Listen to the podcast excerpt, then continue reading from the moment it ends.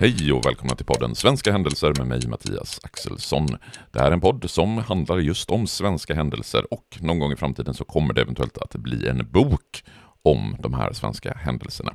Idag så ska vi ta oss tillbaka till den 19 mars 1922 till Olnispagården på västra sidan älven i Sälen i Dalarna.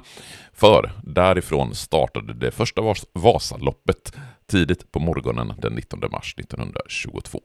Och att åka de här nio milen mellan Bergaby i Sälen till Mora den första söndagen i mars det har blivit något av en folkrörelse. När loppet 2022 firade 100 år så var det över 15 000 deltagare i det ordinarie loppet.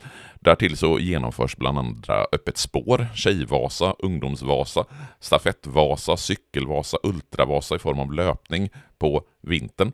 Så Vasaloppet har verkligen blivit en folkrörelse. Men allting startade den 19 mars 1922, strax efter klockan sex på morgonen, när solen höll på att gå upp med fem minusgrader och inte mindre än 75 cm snö i skogen så höjde Johan Westling sin startflagga och de 119 startande skidlöparna lämnade Ullnisbagården på västra sidan älven i Sälen för att ta sig de nio milen till Mora.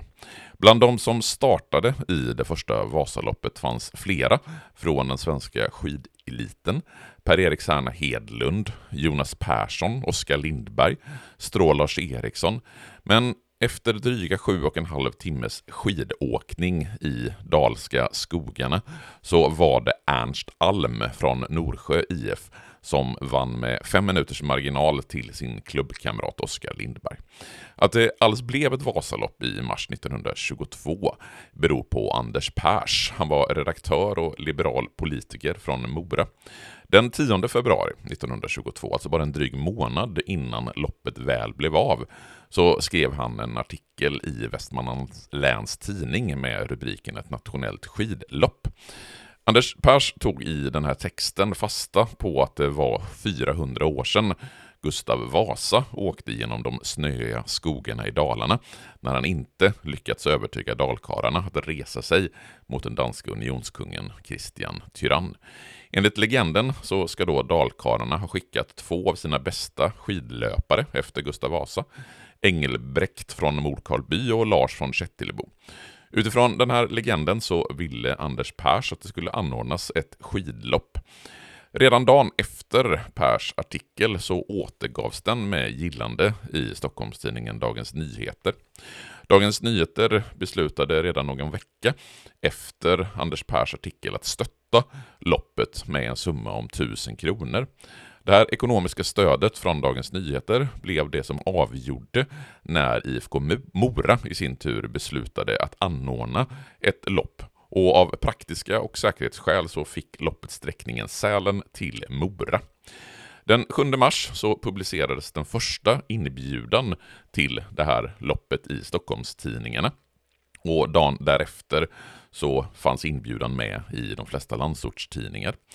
Det gjordes inte mindre än 139 anmälningar, men bara 119 av dessa kom till start den 19 mars. Till målet i Mora, där 5000 åskådare och kranskullar väntade, tog sig 117 av de startande, så två skidlöpare bröt alltså loppet. Och snabbast av dem alla, det var Ernst Alm som vann på tiden 7.32.49. Varken radio eller tv sände det första Vasaloppet, men redan dagen efter så kunde man på SF, SFs biograf Regina på Drottninggatan i Stockholm se en stumfilm som gjorts i anslutning till loppet. Därefter så har Vasaloppet bara vuxit i popularitet och 1925 så refererade Sven Jerring Vasaloppet. Det var precis efter att radio hade börjat med sina utsändningar.